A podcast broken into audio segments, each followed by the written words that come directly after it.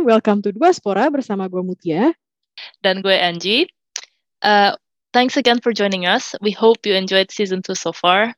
Uh, di episode-episode sebelumnya, kita udah bahas topik-topik mengenai karir, ambisi, and also self-development. Uh, di episode kali ini, kita bakal ngobrolin sesuatu yang agak berbeda ya, uh, nadanya dan tonnya dari episode sebelumnya. Uh, kita bakal ngobrolin dan reflect on gimana sih uh, kita bisa mengejar cita-cita dan karir, uh, dan at the same time, kita nggak harus sacrifice our own self-care, uh, health, and mental well-being juga. Uh, jadi hari ini seru banget. We are joined by Alia Hasim. Uh, Alia ini gue kenal sama Alia lewat mutual friend pas masa SMA. Uh, unfortunately kita uh, kind of lost touch for a while, tapi recently we got back in touch and I've been inspired so much by her Instagram page. So it, it's very exciting. Hari ini Alia bakal share with us uh, self-care journey dia. Gimana sih dia ngimbangin ambisi karir while at the same time uh, nurturing her passion in holistic wellness. Jadi langsung aja nih, Hai Alia. Hi Angie. Hi Mutia. Thank you for having me. Thank you so much for joining us. Yes, my pleasure. And by the way, Angie, we actually kita ketemunya SMP by the way, not SMA. Was it? Oh wow. right? It's been a while. It's all a blur. yeah, so we actually went way back. Bener-bener kayak waktu gue umur 13 and you, so you were 15. Oh wow, yeah. Yeah. That's crazy. Look at us now. I know, lucu banget sih. Terus habis itu reuninya podcast gini. jadi jadi gimana nih Al? Jadi kan sejak kita uh, well SM, SMP and then you studied abroad kan? And then uh, what has been happening since then? Yeah, yeah, sure. Well, um should I start from when I lived abroad atau abis SMP went abroad or which one nih, Angie? Which no, go go start start from uh, your your full journey. Jadi kayak give our listeners uh, a bit of background about yourself. Yeah. Okay, sure, sure. So uh, basically kalau misalkan in terms of background itu, I was born and raised not in Indonesia tapi di UAE itu di Dubai. Dan dari kecil itu dari bayi itu sampai SMP kelas 2. SMP kelas 2 itu baru tuh Angie sama Mutia pindah. Aku pindah ah, ke Jakarta. Uh, uh, pindah ke Jakarta dan itu in that first year udah ketemu tuh sama Angie. I remember um, uh, uh, that it was so nice to meet Angie because uh, at that time aku susah bahasa uh, ngomong bahasa Indonesia and Angie bisa banget bahasa Inggris jadi it was very nice to talk and make friends with her. Nah terus habis itu um, aku uh, I moved langsung from an international school to a public school in Indonesia namanya sampai 19. It wasn't easy tapi I really met uh, really nice friends there and bener-bener kayak bener sahabatku sampai sekarang lah gitu. Terus habis itu pindah uh, SMA-nya tuh Alizar And then after that, I went abroad again untuk kuliah di uh, Penn State, which is di Pennsylvania. I see. Tuh, yeah. Terus sekarang balik lagi ke Jakarta. Wow. Oh, welcome back. yeah. I want to visit you both though. oh, yep. you should. Yes. you should. You should. Yeah, yeah. Uh, Alia, gue ada pertanyaan deh. Uh, jadi kan waktu itu hmm. lo baru pindah, uh, waktu jadi lo baru pindah ke Indonesia pada saat lo kelas 2 SMP, ya kan? Terus lo di yes. Indonesia, terus lo balik lagi ke US. Berarti kan lo mengalami beberapa fase uh, apa ya, kayak reverse culture shock probably, or maybe twice, oh karena gosh, yes. dari Indo, eh sorry dari dari Dubai ke Jakarta, terus dari Jakarta ke Pennsylvania, right? Like, yes. What did you learn from that, and how did you cope with that? Good question. Jadi uh, sebenarnya tuh waktu pindah dari Dubai ke Jakarta itu benar-benar nggak easy sama sekali karena it was my first time moving to a new country kan. Mm-hmm. Padahal padahal itu benar-benar my own country kan. It's where I'm from. Tapi since I I was raised uh, di sana jadi it wasn't easy for me karena beda banget waktu balik ke sini ya. Aku tuh ke Indonesia waktu SMP dan itu at the age where people didn't understand about emotional intelligence kan maksudnya yeah. Like, oh, okay. yeah. nah waktu itu tuh aku bener-bener susah banget uh, communication skills aku bahasa Indonesia-nya benar jelek banget dan aku kayak it wasn't easy lah it, I was fresh off the boat gitu mm-hmm. tapi ya again and again I see the, the silver lining-nya adalah kayak I met really really nice friends of mine yang benar-benar sampai sekarang itu they're like sisters and and yeah so it's it's really nice even though it was super hard tapi still there's silver linings from it gitu so basically aku benar-benar fresh off the boat itu twice ya Angie yeah. sama Mutia. wow. waktu, uh, uh, jadi kayak waktu itu fresh off the boatnya benar-benar yang kayak newbie itu waktu ke Jakarta tinggal di Jakarta sampai SMA dan itu I, I had like a phase where I'm like I can't speak any language. Soalnya aku waktu itu benar-benar fokus harus bisa uh, ngomong bahasa Indonesia lancar. Lalu abis itu bahasa Inggris aku grammarnya juga jadi hilang. Jadi jadi dua-duanya kayak bahasa Inggrisnya juga jelek terus habis itu bahasa Indonesia-nya juga ngaco. Jadi kayak gimana nih? Gitu. Terus habis itu pindah ke US untuk kuliah. Dan di situlah aku uh, bisa lah bahasa Inggris lagi. Gitu. So yeah it was it was really nice honestly. Kayak moving to the US itu aku juga benar-benar fresh off the boat banget. Tapi I learned new cultures and it was amazing karena I meet people from benar-benar dari all over the world banget. Dari zaman aku di Dubai itu I met I have friends jadi all over the world. Ada di Amsterdam ada di mana-mana. Terus habis itu pas ke Amerika uh, I also met international people. Jadi mm-hmm. kayak uh, ya bersyukur banget deh bisa um, jadi have new perspectives of from different different cultures gitu yeah mm. and maybe fast forward to your time in the US, right? Lo bilang kan mm. lo kuliah uh, di US gitu. Nah, kebut lo kuliah apa? Mungkin bisa diceritain ke para pendengar. Dan sekarang apakah Boleh. ada persamaan antara apa yang lo pelajari waktu lo kuliah dengan apa yang lo lakukan di kerjaan lo yang sekarang? Oke, okay, jadi I can say itu waktu making a decision on what I should major in itu ya itu mm-hmm. I was too young and I think people are too young to yeah I think yeah yeah yeah, yeah, yeah. gitu jadi everyone's waktu problem. itu tuh everyone's problem right yeah. I think it's very common jadi kayak waktu itu tuh aku bener yang kayak bingung banget oh my god what should I major in ternyata aku pengen banget fashion tapi nggak dibolehin sama papa terus habis itu I wanted to do business but I didn't know karena no one did business in my family sama sekali. Bener-bener yang kayak ya udah deh let me just follow my dad's langkah which is ya udah I'll I'll take petroleum engineering.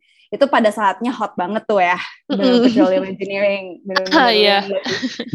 yang lagi in banget. Terus habis itu kayak I remember one of my friends waktu SMA bilang uh, he was a guy too and dia kayak yakin lo bisa engineering? I'm like I will prove to you. Yes. I will prove to you. Ya udah deh waktu SMA tuh aku benar-benar yang kayak lazy. I don't really care about academics tapi I really wanted to get out of uh, Jakarta. Jadi I did my best to get there belajar SAT dan lain-lain. Masuk ambil petroleum engineering dan in my hand itu aku benar-benar kayak ya udah ya udah yang penting abis ini cuan. Terus kedua terus uh, ya udah go through this. Terus kedua silver liningnya jadi critical uh, critical thinkingnya jadi oke okay karena engineering ya. Soalnya it's not easy ya. sama oh, sekali. banget. terus ketiga prove to that guy that I could do it. I hope he's listening by the way. Udah lost contact tapi that was one of my motivations. Kayak oh I can do it. Nah tapi abis itu I realized waktu aku uh, lulus I was like wow I was very stressed my whole the whole time I was in college. Sebenarnya yes I did have a lot of fun tapi sebenarnya kayak banyak banget times that I was super stressed and I did realize waktu dari SMP SMA sama kuliah I didn't really follow what I really wanted to do. Jadi aku benar-benar mm. selalu follow the norm, follow my my parents kayak what they say, what's uh, what they think it's right and everything. Tapi kan we have to always remember that the market is always always changing kan. We have yeah. to always know that market itu always changing and and we're in this industry and our parents are not always in the industry anymore. Yeah. Gitu. Mm -mm. Jadi pada akhirnya sebenarnya dari uh, waktu aku lulus, uh, I did uh, dapet si job di sana, tapi aku nggak mau di field gitu. Hmm. Nah, since aku nggak mau di field, aku ngerasa udah deh uh, langkah baru ke Jakarta aja and take a, a 9 to 5 job gitu kan. Hmm. Yep. Nah, terus abis itu pas take a job itu sebenarnya oil tuh lagi down banget. Itu masa-masa oil crash banget. 2015 ya. yes, 2016 berkelanjutan ya kan. Iya, iya. Wah, itu bener-bener deh kayak wow, I studied all this four years and then like the the market crash gitu kan. Makanya oil market crash. Nah, I bet you both felt it too, ya kan? Oh yeah, Yeah. I think each of us has our own trauma from that period. Abis itu waktu, jadi aku mikir, oke kalau misalkan oil lagi down, berarti yang up petrochemical dong, ya kan? Ya. Soalnya petro, Ya. ya kan, soalnya- murah. Mm-mm. Iya, uh, raw materialnya jadi murah kan buat petro. Jadi kayak ya udah, I went uh, in in one one of the biggest petrochemical companies di Indonesia Hmm. gitu. I went there as a market research analyst, jadi kayak data analyst gitu. Hmm.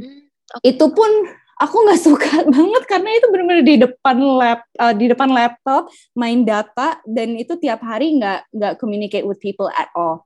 So Yeah. it was it was literally sampai aku tuh benar-benar pakai apa ya? Aku tuh pakai selimut dan main data doang. Udah bermain data untuk lihat supply demand terus habis itu gitu-gitulah benar-benar aku kayak Mhm. oke ini ini capek banget. Jadi it was my turning point. Almost two years di situ, I was like, Mhm. okay, I need to do something about this. I cannot only complain. Terus ini jauh banget lah eh, dari Cinere ke Sleepy. Tiap hari nyetir sendiri, naik tol. Terus habis itu, habis itu bayar eh, bayar tol mahal, bayar gas mobil mahal. Terus habis itu gaji aku kepotong udah berapa persen for all these expenses. Aku, I was like, okay, I need to do something about this. I hear my friends itu kayak masuk juga nggak jam jam 8 pagi harus tap in tap out gitu nggak. Oke, Hmm. ini aku berarti udah deh kayak there's something I need to do about this because I always hear from people if you're stressed out you need to do something about it stop complaining ya udah berarti turning point aku mikir oke yang paling cocok sama my personality apa? Because I really love meeting people and talking to people. Yeah. gitu. Jadi abis itu aku nanya-nanya temanku yang di HR gitu. Lo gimana sih? Kerjaan lo ngapain aja? Oh gue headhunter Al dia bilang. Gue headhunter jadi gue benar-benar ngobrol eh, ngobrol sama orang-orang in the market find people siapa yang cocok for this certain position etc I think Hmm. you'll be actually good at it dia bilang gitu. Abis itu aku apply eh dia nolongin aku apply di di a, a headhunting company dan aku juga apply for an oil company through a headhunting company gitu Oke. ya, ya. Ah, wow, oke. Nah, soalnya aku masih bimbang tuh kayak oke apa aku harus masuk oil soalnya my dad is a very oil guy kan. Jadi he really wants me to go in an oil Yeah. company. Nah, Hmm. terus habis itu uh, waktu aku apply dan masuk uh, apa waktu aku- apply to the oil company from a headhunting company, aku malah mau direkrut sebagai recruiter di situ. Ah, oke. So it's a big Ah, sign oke. juga. Mm, Yeah. It's a big sign aside from friend juga yang bilang udah lo jadi headhunter aja. Nah, mm, mm, mm.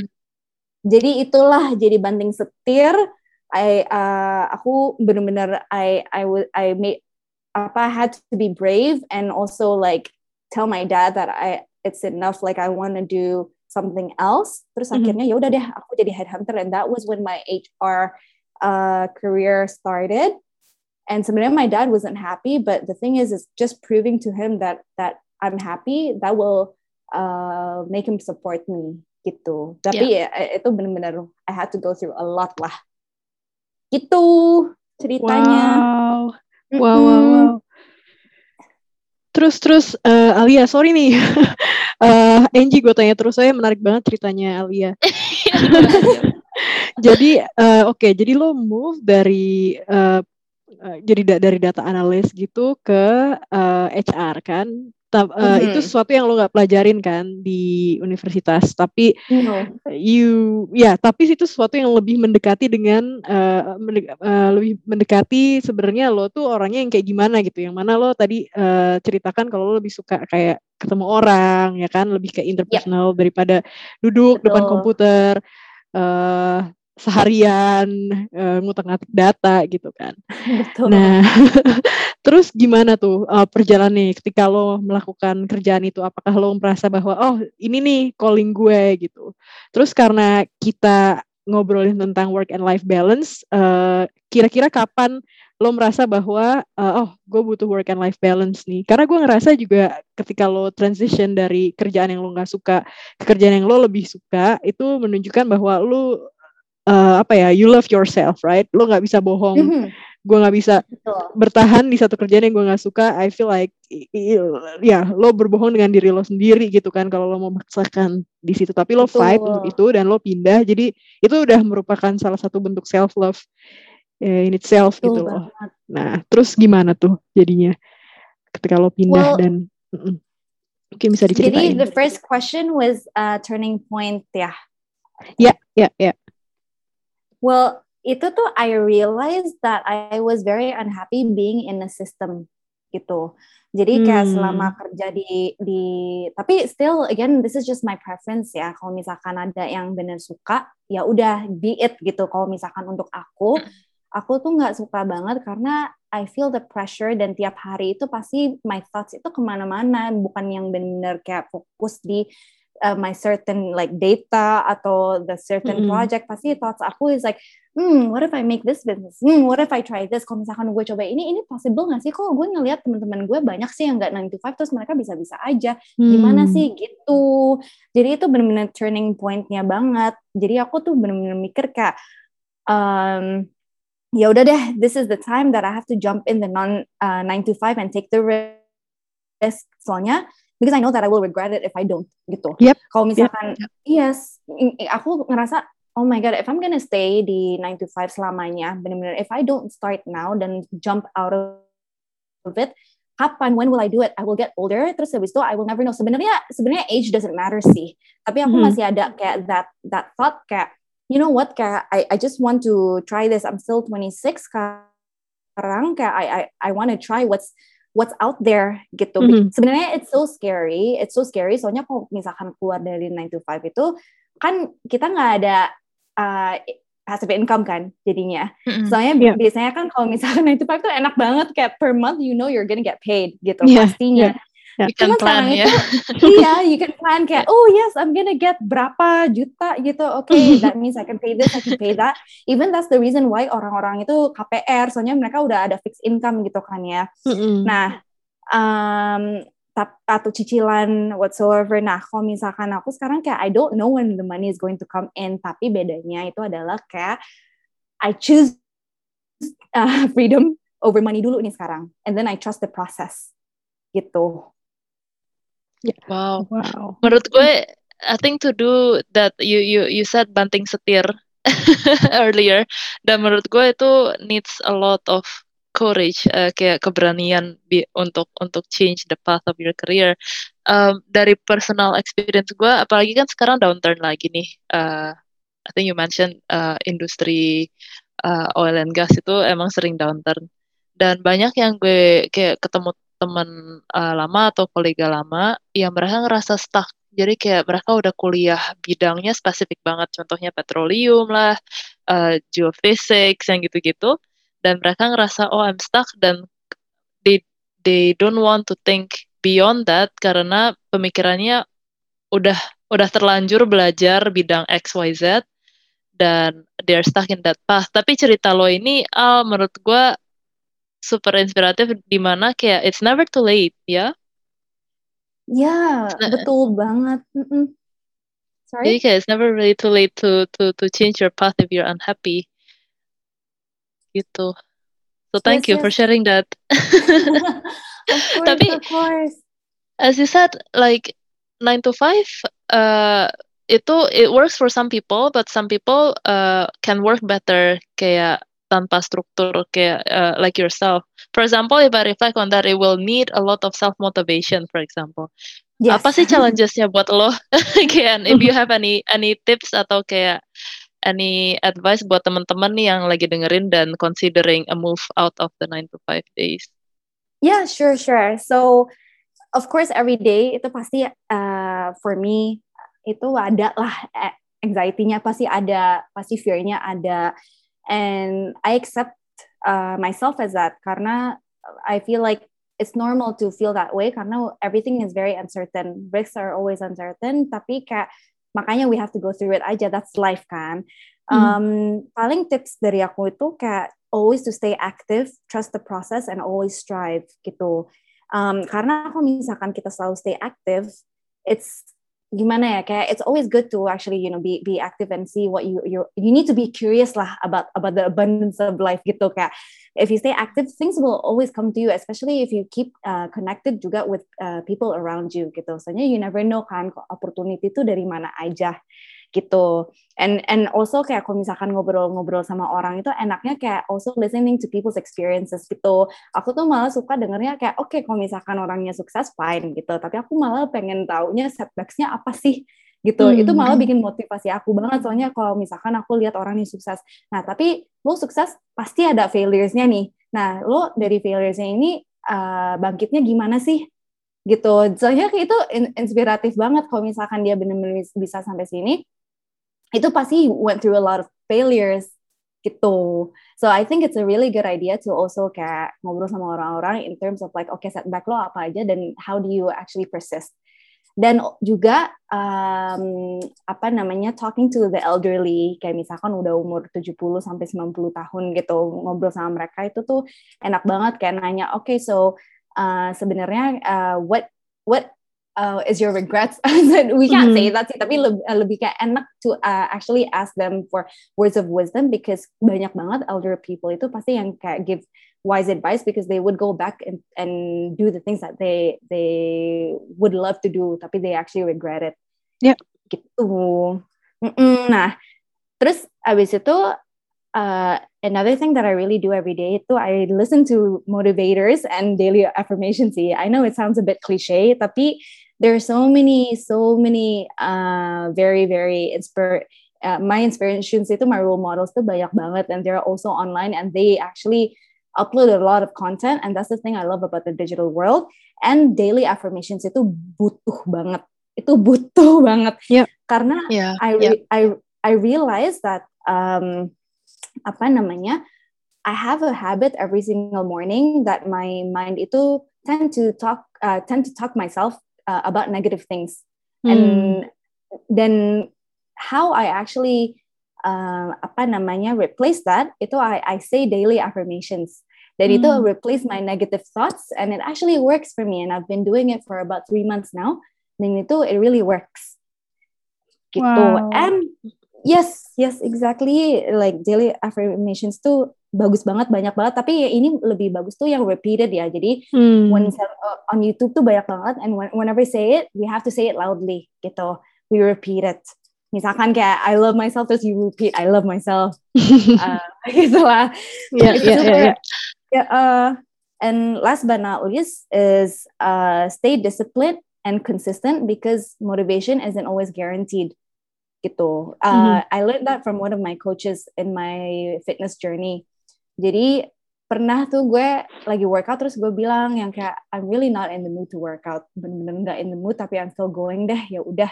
Terus dia bilang it's okay Al at least you're here. Bagus ini berarti lo practicing discipline karena motivasi itu nggak selalu ada. Gitu yeah. sih. Setuju setuju setuju banget. Wow, yeah, I need to hear that today.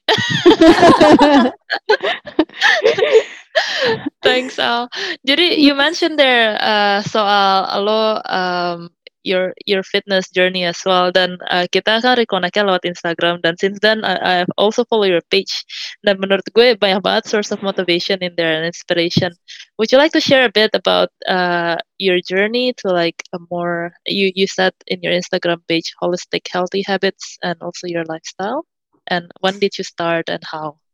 Sure, sure, sure. Yang untuk holistic, of course, it's like everything, right? Wellness as a whole. So, so in terms, I, I, I, I say there's like uh, two different types of gyms. There's brain gym and physical gym. Kalau brain gym itu lebih ke yang daily affirmations, mm. going to a mm. psychologist, and all that kind. And I really want to also normalize going to a psychologist because it doesn't mean that we're crazy, but it's a brain gym. Yeah it's amazing you know it's like people invest going to the gym for to look uh, to be healthy physically but i feel like going to a psychologist is to be healthy mentally juga so it's super super good nah untuk yang physical i actually started uh, being super consistent too uh, last year in June. Jadi next month uh, marks the year, marks the one year. Oh, nice. Wow. Yes, yes, yes. Jadi uh, I jadi sebenarnya tuh what made me start itu karena growing up when I was a kid, I was very into sports. Uh, Tapi for some reason mm -hmm. itu I stopped. Mm -mm, jadi I played like I played basketball, I played golf gitu. I took golf really seriously, but then waktu pindah ke Jakarta, I stopped. I think it was the culture shock and everything lah. Masih kecil kayak uh, I want to be cool, so I don't want to. I want to hang out with friends, so I don't want to play golf anymore. Gitu gitulah masih. I don't know why. yeah. nah terus, and, jadi I I feel like uh, the accumulation dari kecil itu my body demands working out gitu. Mm. My body demands moving. And yeah. another thing is actually biological, which is which is all women ada PMS kan. Dan itu mm, ngaruh yeah. banget dan dengan olahraga ini yang benar-benar konsisten banget, it actually helps uh, reduce my PMS karena mm. biologically I become very kayak sweaty, pusing, brain fog, gak bisa ngapa-ngapain. Terus habis itu uh, it also helps me uh, become more active and more creative lah gitu. Endorphins is real guys. Iya, iya, iya, iya. Setuju banget. gitu. Um, so, tapi sebenarnya what what really uh, made me start is one of my friends. She's really a fitness enthusiast also. Dan dia itu ada challenge uh, from her uh, current gym is a calendar gitu. Hmm. Jadi basically on the calendar is like you need to just track what you work out. Bener-bener at least you you have a goal gitu. You have a goal. Uh, misalkan tiap hari I'm gonna stretch atau I, I'm simply just gonna walk atau I'm just simply going to to do push ups atau plank gitu. At least itu fokusnya in consistency. That's it. Just being consistent and be disciplined. So I started from there and my goal was very minimum. Benar-benar cuman workout twice uh, twice a week gitu. And okay. even itu tuh susah banget konsisten per and and what a good thing is to have an accountability partner. Soalnya pernah uh, a week I did not uh, workout terus habis itu dipanggil tuh sama my partner kayak who where are you? Gitu. So It's a positive peer pressure ya. Very positive. Makanya accountability partner itu butuh banget sih. Benar-benar bagus banget to have uh, that type of partner so then he, he or she keeps you going. So, so yeah so with that calendar I track and stay disciplined because I want to make it a lifestyle. Gitu. Wow. Dan sekarang lo udah sport kayak se seminggu lima kali gitu. Udah sampai di tahap Wah, nggak nggak lima kali juga. Oh, tiga kali. Kan awalnya dari dua tuh tadi diceritain. Iya dua dua kali awalnya. Terus mm -hmm. sekarang tuh lima kali itu my max because I really believe in recovery. Mm -hmm. and to me it's it's still it's still very hard for me to eat the amount of calories in order to make it equal to how much I work out Mm-hmm. Karena if I don't eat that much calories, nanti malah jadi kecapean dan bisa-bisa sakit. And I think that's what happened to me last time that mm-hmm. I canceled our podcast. Kayaknya aku kecapean tanpa sadar. Gitu. Uh, okay. Interesting ke uh, ngobrolin kalori uh, karena kayak gue pernah uh, kan gue pernah mention ya Al. I hmm. think in Indo ada this glorified view of uh, cewek tuh harus skinny dan mm. I I I personally uh, experience this. Jadi contohnya sebelum COVID nih gue kayak I was really into body pump, uh, part of Les Mills class gitu nice. kan. Uh, terus pas gue kayak cerita ke nyokap gue, dia, terus dia nyeletus kayak, oh cewek jangan angkat berat-berat nanti uh, gede lo badannya gitu. And it's, it's, it's something there's a stigma in society, you know. Jadi kayak, yeah. and it, I think it still haunts me kind of thing. I I don't do body pump more than once or twice a week now, and I, I really like it. I really want to do it more. Uh, yeah. What What's your thought around that, and how how should we challenge this stigma? Girls should lift That's what I say. Kayak bener-bener yes. I really support it.